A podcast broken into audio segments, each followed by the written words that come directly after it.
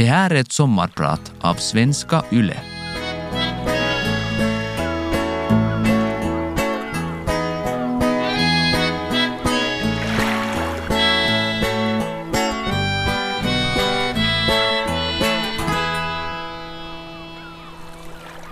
Jag har en fråga till dig. Kan man bo på en ö om man saknar båt? Det är en ö som det inte går någon bro till, så man kan inte ta bilen dit, eller cykla eller promenera. Och den här ön ligger också så pass långt ut i havsbandet att man inte kan simma dit. Svaret måste väl rimligtvis bli ett nej, det går inte att bo på en sån ö utan att ha en båt. I min mammas fall var svaret ändå ja. Hon bodde på somrarna på en ö med oss barn utan att ha en båt. Eller en man. Min pappa dog när jag var bara ett halvt år gammal och mamma blev ensam med oss, mina bröder Stefan, Johan, Fredrik och Håkan samt mina systrar Elisabeth och Margareta. Envist och målmedvetet valde hon ändå att hålla kvar familjens sommarställe utanför Jakobstad. Och där skulle hon och vi barn få tillbringa somrarna också i fortsättningen. Och jag är rätt säker på att det var ön som räddade min mamma den gången och mig lika så. Den gången och många andra gånger i mitt liv då jag har mött motgångar. Idag ska jag ta er med till min ö och tala om min mammas tappra och målmedvetna inställning till livet och hur den har påverkat och inspirerat mig som människa, som mamma, riksdagsledamot, minister och ordförande för Svenska folkpartiet. Mitt namn är Anna-Maja Henriksson och idag är jag din sommarpratare. Det blåser en svag bris, måsarna skriker och någonstans skrattar ett barn. En hund skäller till. Jag ser ut över klipporna och bergen från min veranda på Mäskär. Kära Mäskär. Här har jag vuxit upp på somrarna och här tillbringar jag fortfarande så mycket tid jag bara kan, året om. Det är underbart att ta sig ut hit också över isen en gnistrande kall vinterdag eller komma ut på våren och se isen gå, flyttfåglarna återvända och vårblommorna knoppas. Och lika underbart det här på höstarna. Det är faktiskt fantastiskt skönt att landa här en sen fredagkväll, kanske under en filt med en bok i handen och ett glas vin framför brasan efter en intensiv vecka i riksdagens hetluft. Men nu, nu är det sommar och jag ser ut över klipporna och bergen från min veranda. Den här holmen som har betytt så oerhört mycket för mig, för mina föräldrar, för mina farföräldrar, för mina syskon, med familjer, för mina barn, för släkt och grannar. Här kan man ladda batterierna, här kan man vara sig själv fullt ut. Här hinner man umgås med nära och kära. Här känner man också närvaron av dem som inte finns med oss längre. Och tanken slår mig, här har också min mamma och min pappa funnit lyckan och glädjen. Här har de sett ut över samma hav, mot samma horisont, gått över samma klippor som jag tidigt här i morse, simmat i samma vatten som mina barn och känt samma dofter. Och jag fylls av en oändlig tacksamhet. Det är egentligen ett smärre under. För vi kom väl för en stund sedan överens om att det är egentligen inte rimligt att man bor på en ö om man inte har en båt. Och det hade vi inte när jag var barn. Min mor Maj-Lis hon var en underbar mamma, kärleksfull och varm och också tydlig och bestämd. Bra på att sätta klara gränser. Lite gammaldags kan man väl kanske säga, sett sådär med våra moderna 2000-talsögon. Hon var född och uppvuxen i prästgården i Kalajoki där min morfar var kyrkoherde. Min mamma hade alltså fått en traditionell och kristen uppfostran och med samma värderingar uppfostrar hon också sina barn. Men hon var nog ändå betydligt liberalare än sin far. Det var sällan som det slog några större gnistor mellan oss men visst hände det någon gång i tonåren att jag kunde smälla fast en dörr och sura en stund. Men allt som oftast så kom vi väldigt bra överens. Eftersom mina äldsta syskon hann bli vuxna innan jag ens började skolan så levde vi länge på tremanhand, min yngsta bror Håkan, jag och mamma. Och senare mycket på tumanhand, hon och jag. Mamma Maj-Lis var bara 41 år gammal då när min Pappa Lasse dog och hon blev ensam med oss sju barn. Jag som var yngst var bara sex månader gammal och min äldsta bror Stefan var 17 år. Mamma hon bet ihop, hon ville göra allt för oss barn. Det var till exempel från första början alldeles klart att vi fortfarande skulle fira somrarna ute på Mässkär. I den lilla stugan med fyra rum och balkong och veranda som jag så stolt gick omkring och sa när jag var barn. Stugan, byggd på 1930-talet, har ett brutet tak och två små rum nere och två små sovrum uppe på övre våningen. Från min säng uppe på vinden så hade jag världens vackraste utsikt. Jag såg direkt till Kallans fyr ute vid horisonten. Det första jag gjorde på morgonen när jag vaknade det var att titta ut för att få ett hum om vädret. Och det vackraste som fanns var när ett spegelblankt hav öppnade sig framför en en tidig morgon. Då visste jag att det blir en dag i vattnet också idag. Jag älskar att simma, dyka och utforska viken. Mamma brukar säga till mig och min sommarkompis Björn att han och jag simmar två gånger om dagen. En gång före maten och en gång efter maten och tillsammans så blev det hela dagen. Mitt rekord i kullerbyttor under vattnet utan att komma upp och andas emellanåt är sex stycken. Mina bröder blev med tiden inbitna seglare och vann sitt första FM-silver i hajklassen 1977. Själv hade jag alltid önskat mig en optimistjolle men det fanns det inte pengar till så jag satsade som sagt på simningen istället. Och grodfötter skulle det naturligtvis vara och förstås cyklopöga. Man såg ju mycket bättre under vattnet då. Som barn hade jag också en väldigt livlig fantasi. En av de största olyckorna ute till havs inträffade år 1972 då mudderverken Nostaja förliste utanför Mäskär och 16 personer omkom. Av dessa hittades alla utom en, en kvinna vid namn Saimi. Det här hörde till samtalsämnena bland de vuxna de följande somrarna och det började bekymra mig att Saimi inte hittats. Och naturligtvis började jag fantisera att jag skulle stöta på henne då jag dök i viken. Så varje gång tittade jag extra noga. Och en gång hände det att jag hajade till. Vi dök runt det som vi kallar tredje berget och plötsligt under vattenytan så ser jag något stort rosa som ligger rak långt snett ovanför mig. För en sekund så kände jag obehaget gå genom ryggen jag dyker lite längre bort för att sen våga mig till ytan och när jag kommer upp så ser jag till min stora lättnad att det var en av farbröderna från holmen som låg och flöt och njöt av solen och det varma vattnet. Hur det gick med Saimi vet jag ännu inte i denna dag, men jag hoppas för de anhörigas skull att hon hittades. Men ja, hur tog vi oss ut till holmen? Mässar ligger tio kilometer från det vi kallar Gamla hamn i Jakobstad och vi hade ju som sagt ingen båt. Den hade sålts efter pappas död. Jo, det är här det lilla samhällets goda sidor på allvar öppnar sig. På Holmen, mitt eget Saltkråkan, fanns det såväl lots som sjöbevakningsstation. Där fanns drygt 40 andra hushåll då, goda grannar och släktingar.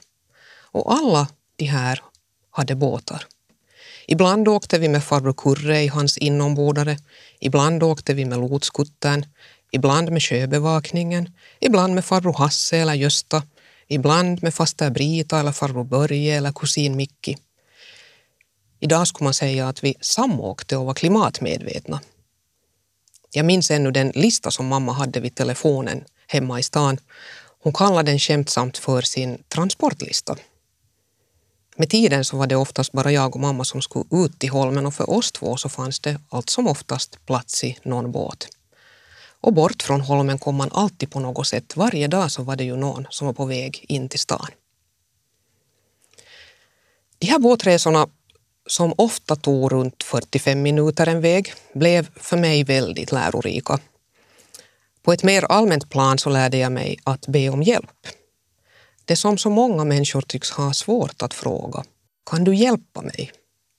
Det har jag haft stor nytta av i livet som familjemamma som gör karriär både i riksdagen och regeringen och som ordförande för ett politiskt parti.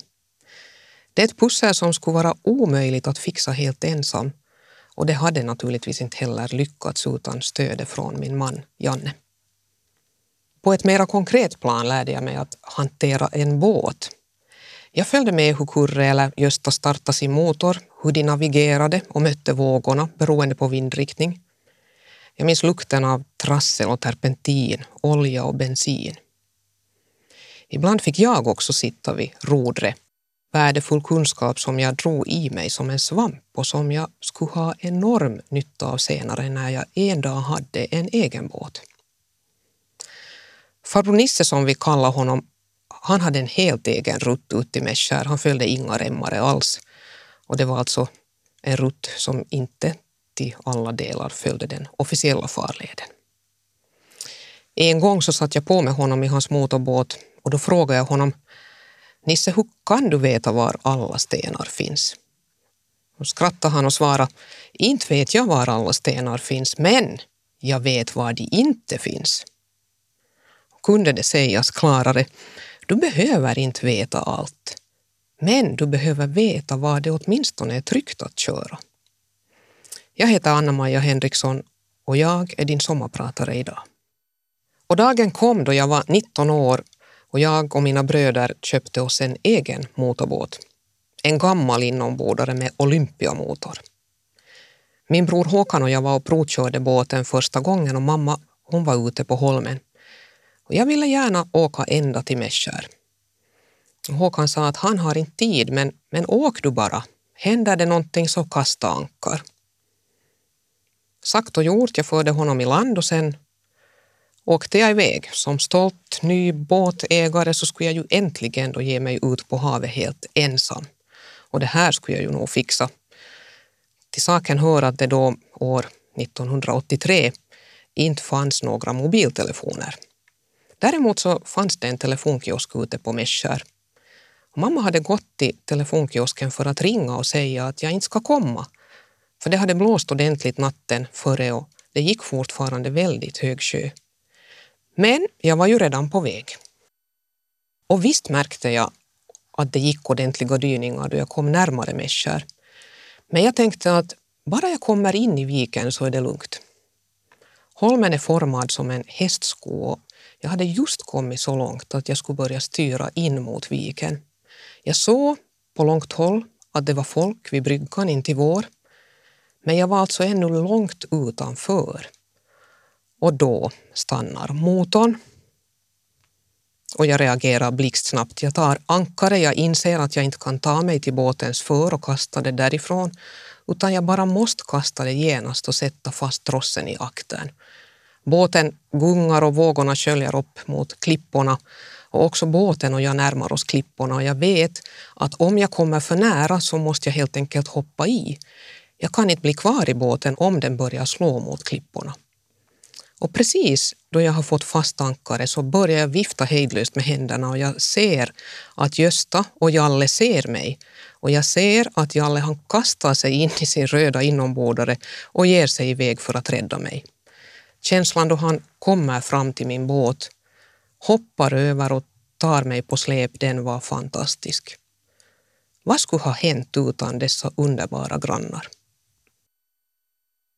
Jag har alltid varit idrottsintresserad. Friidrott som var högt på agendan då när jag var mellan 10 och 16 år och spjutkastning blev sen min gren. Men IF-brottsträningar hölls under somrarna på måndags och onsdagskvällarna på Centralplanen i Jakobstad och eftersom vi inte hade någon båt så var det här jobbigt att få att gå ihop. I praktiken så blev det så att jag rätt sällan kunde delta i träningarna. Jag täljde mitt eget spjut av ett träd och tränade själv. Och det gick också bra. På den här tiden så hade vi ju ingen TV, men vi hade radio. Naturväktarna och Sommarberättelsen hörde till mina favoritprogram. Men då det drog ihop sig till större idrottsevenemang, då gick jag till lotshuset för där fanns det ju TV och jag visste att gubbarna de följer nog med. Så där satt Anna-Maja med lotsar och sjöbevakare och kollade in hur det gick för de våra. Och jag minns OS i Montreal 1976. Jag hade fått en liten batteridriven radio till julklapp av min syster Margareta som på den tiden bodde i Tyskland. Och det var sommar-OS på gång och vissa tävlingar så kom nattetid. Och nattetid kunde jag ju inte ändå gå till lotshuset och kolla så jag lyssnade på radion mitt i natten då Antti Kalliomäki hoppade silver i stavhopp. Då som tolvåring så hade jag ingen aning om att jag sådär 27 år senare skulle sitta vid samma bord som honom och diskutera statsbudgeten. Han som finansminister och jag som specialmedarbetare till dåvarande andra finansminister Ulla-Maj Wideros. Om vintern så var det skidåkning som gällde och höjdpunkten var det så kallade parkloppet som ordnades varje vinter i Jakobstad då skidsäsongen löpte mot sitt slut. Stora stjärnor som olympiska medaljörerna Thomas Wassberg, Juha Mieto och Oddvar Brå deltog. Och jag sprang och samlade deras autografer tillsammans med min kompis Anette. Mieto han var ju min stora idol. Stor och stark och lång som han var och alltid lika sympatisk i TV. Han fick ju hela folkets medlidande då han förlorade OS-guldet med en hundradel till Thomas Wassberg 1980 i Lake Placid. Lasse Wirén och Marjo Matikainen hörde också till mina idoler då det begav sig. Och visst känns det märkligt idag när jag har varit kollega i riksdagen med alla dessa mina barndoms och ungdomsidoler och fått jobba med dem. Livet är faktiskt ganska förunderligt. Man vet aldrig vad man har framför sig. Men numera ber jag inte mer om autograf. Varje sommar ordnar mamma ett stort kaffekalas för alla dem som under sommaren hade hjälpt henne och familjen att komma till och från Holmen. Det var ett enkelt men väldigt vackert och roligt sätt att säga tack. Också det är viktigt att lära sig för ett barn. Jag fick vara mammas högra hand och hjälpa henne med fixande inför den här årliga festen. Ofta bakade vi rabarberpaj och bullar. Var det vackert väder så var vi utomhus och var det mulet så satt vi inne i vårt mysiga lilla spisrum. Mamma brukar säga alltid att finns det hjärterum så finns det kärterum. Det här med att ställa upp för varandra, att bry sig om, det var något av det finaste som livet ute på Holmen lärde mig redan som barn. Idag skulle vi tala om ett starkt socialt kapital. Ja, visst, det handlar om något så enkelt som medmänsklighet och omsorg. För där på Holmen kunde jag känna att de härliga farbröderna och tanterna de brydde sig dels om mamma men också om mig. Hur går det Maja? frågades det ofta. Och där fanns så mycket trygghet. Tant Monica som bodde i stugan bredvid, hon var läkare. Och jag minns en gång när jag hade tält en båt och gjort en mast till den av spik. Båten hade blivit liggande i gräset och en dag så springer jag barfota omkring och ser inte den, men stiger på den och river upp hälen på spiken som står rakt upp. Mamma som själv var sjukskötare till utbildningen så hon var ju ganska duktig på det mesta men hon kallade ändå på tant Monica för hon ville veta om det var behov av att få det här såret sytt. Tack och lov så behövdes inte det. Några fler sådana båtar med masta och spik så blev det inte heller. Tant Monica hon körde för övrigt själv båt redan på 1960-talet, någonting som ju var väldigt ovanligt för kvinnor på den tiden. Men det gjorde ju också min faster Brita. Och jag ville ju naturligtvis också lära mig köra snurrbåt. Och det fick jag. Min goda sommarkompis Björn som var några år yngre än jag, han hade en liten båt med en 3, 4, 5 hästkrafters motor och som vi övade och körde. Vi lärde oss Sverigebåtens tidtabell utan till och den största lyckan som fanns var ju att åka ut med snurrbåten och ta svallvågor av Nordek, Bore 2 eller vad nu färjan råkade heta just den sommaren. Färjan som gick från Jakobstad till Skellefteå. Och naturligtvis, jag hade flytväst. Det hade jag lärt mig ända sedan liten. Och för övrigt så är det ett empiriskt konstaterat faktum att svallvågorna från en passagerarfärja är betydligt högre än från ett lastfartyg. Ingen båt, ingen bil, inget kylskåp. Hur katten kunde ni klara av det?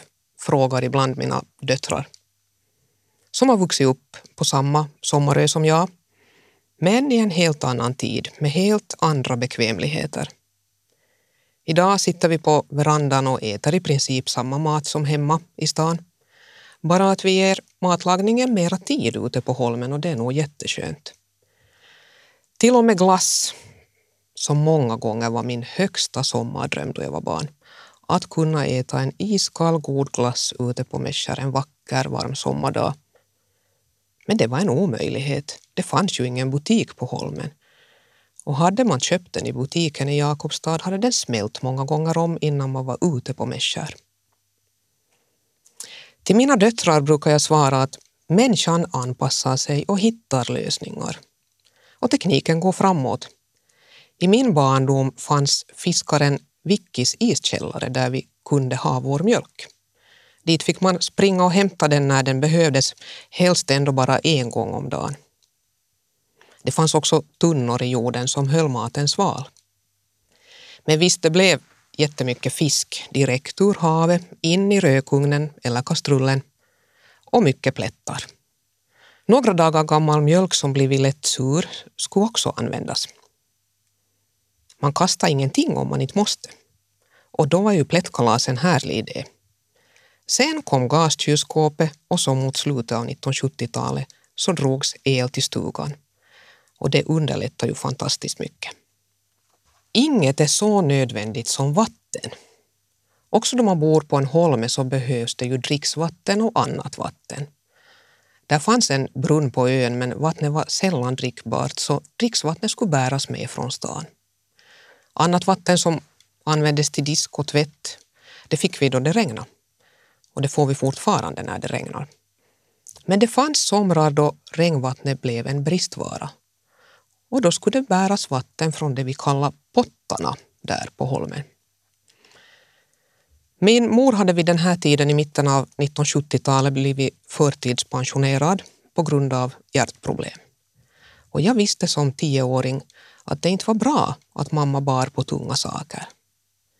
Så jag tog som mitt uppdrag att bära vattenkanistrarna till och från båten upp till stugan.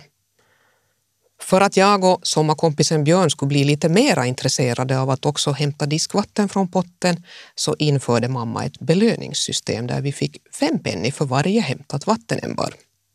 Jag kommer ihåg ännu när jag drog streck på ett block som fanns ovanför spisen inne i stugan och man räknade ihop att då man har hämtat 20 vattenämbar så blev det ju en hel mark. Och för den kunde man till exempel köpa 20 stycken salmiak piratos. Runda, goda salmiakgodis som såg ut som pengar. Och det är klart att intresset att bära vatten så blev ju större. Men det fanns ju ingen kiosk på Holmen så det gällde att handla då vi var i stan på uppköp. Överlag så var det ju sparsamt med godis och limonad där ute Mamma köpte en korg med limonad alltid till midsommar och den korgen, det vill säga 24 flaskor, den skulle räcka hela sommaren. Och då till min stora besvikelse var fyra av de här 24 flaskorna vichyvatten. En av mammas favoritsommarlåtar var Ulf Lundells Öppna landskap. Jag minns när den var helt färsk och hon hörde den för första gången. Och sen sa hon skrattande, den här låten tycker jag om. Men den där biten med att bränna sitt brännvin själv, den kunde han ha lämnat bort. Den som har vuxit upp med bara en förälder känner säkert igen sig i den oro som man redan som ganska liten lär sig känna. Oron att det ska hända någonting allvarligt med också den andra föräldern. Att man ska bli ensam kvar. Jag minns att jag var rädd att det skulle hända mamma någonting. Och den dagen kom när jag var 21 år gammal och min bror ringde mig en söndagsmorgon i oktober 1985 och berättade att mamma är på sjukhus. Hon hade fått en hjärtinfarkt, precis som min far 21 år tidigare. Jag studerade juridik i Helsingfors på den tiden och tanken var faktiskt att jag skulle ha bjudit mina syskon på eftermiddagskaffe. Men det fick jag ju ställa in och jag tog mig genast hem till Jakobstad och fick ännu träffa mamma i liv. Men sen fick hon en propp till och två dagar senare slöt hon ögonen för gott. Det var naturligtvis en oerhörd sorg för mig och mina syskon med familjer. Det värsta som kunde hända mig hade hänt.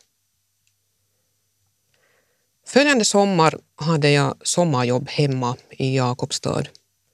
Då isen gått och min faster Brita fått ut sin båt så åkte hon och jag ut till Mässkär för att se om våra stugor. Och jag minns ännu hur tårarna rann då vi körde in i viken. Jag såg framför mig hur mamma kom gående där över bergen. Kom emot oss med ett leende på läpparna. Och jag minns hur Brita sa, jo, du får gråta Anna-Maja. Saknaden var så enorm.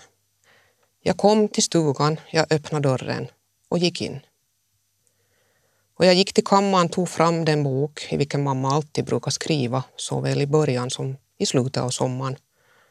Och hon hade också skrivit en text på hösten där hon berättat om sommaren som gått. Hur glad hon var över alla barn och barnbarn som varit på holmen under sommaren.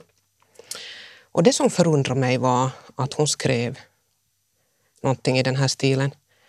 Jag vet inte vem som öppnar denna bok för första gången nästa sommar. Precis som hon haft på känn att någonting skulle hända. På Mäskär har lyckan och glädjen gått hand i hand med saknaden och sorgen. Där har jag fått vara med om så mycket roligt, så många stunder då vi har skrattat tillsammans med syskonen, med släktingarna, med grannarna, ätit gott, spelat spel, njutit av solnedgångarna, förundrat oss över naturkrafterna. Och där har jag lärt mig så mycket om mig själv, om hur vi som människor fungerar. Där har jag också lärt mig att tro på min egen förmåga, att jag klarar mig och att man inte ska skämmas för att be om hjälp. Att man måste anpassa sig efter väder och vind och att det är viktigt med respekt för havet. Så är det också i politiken.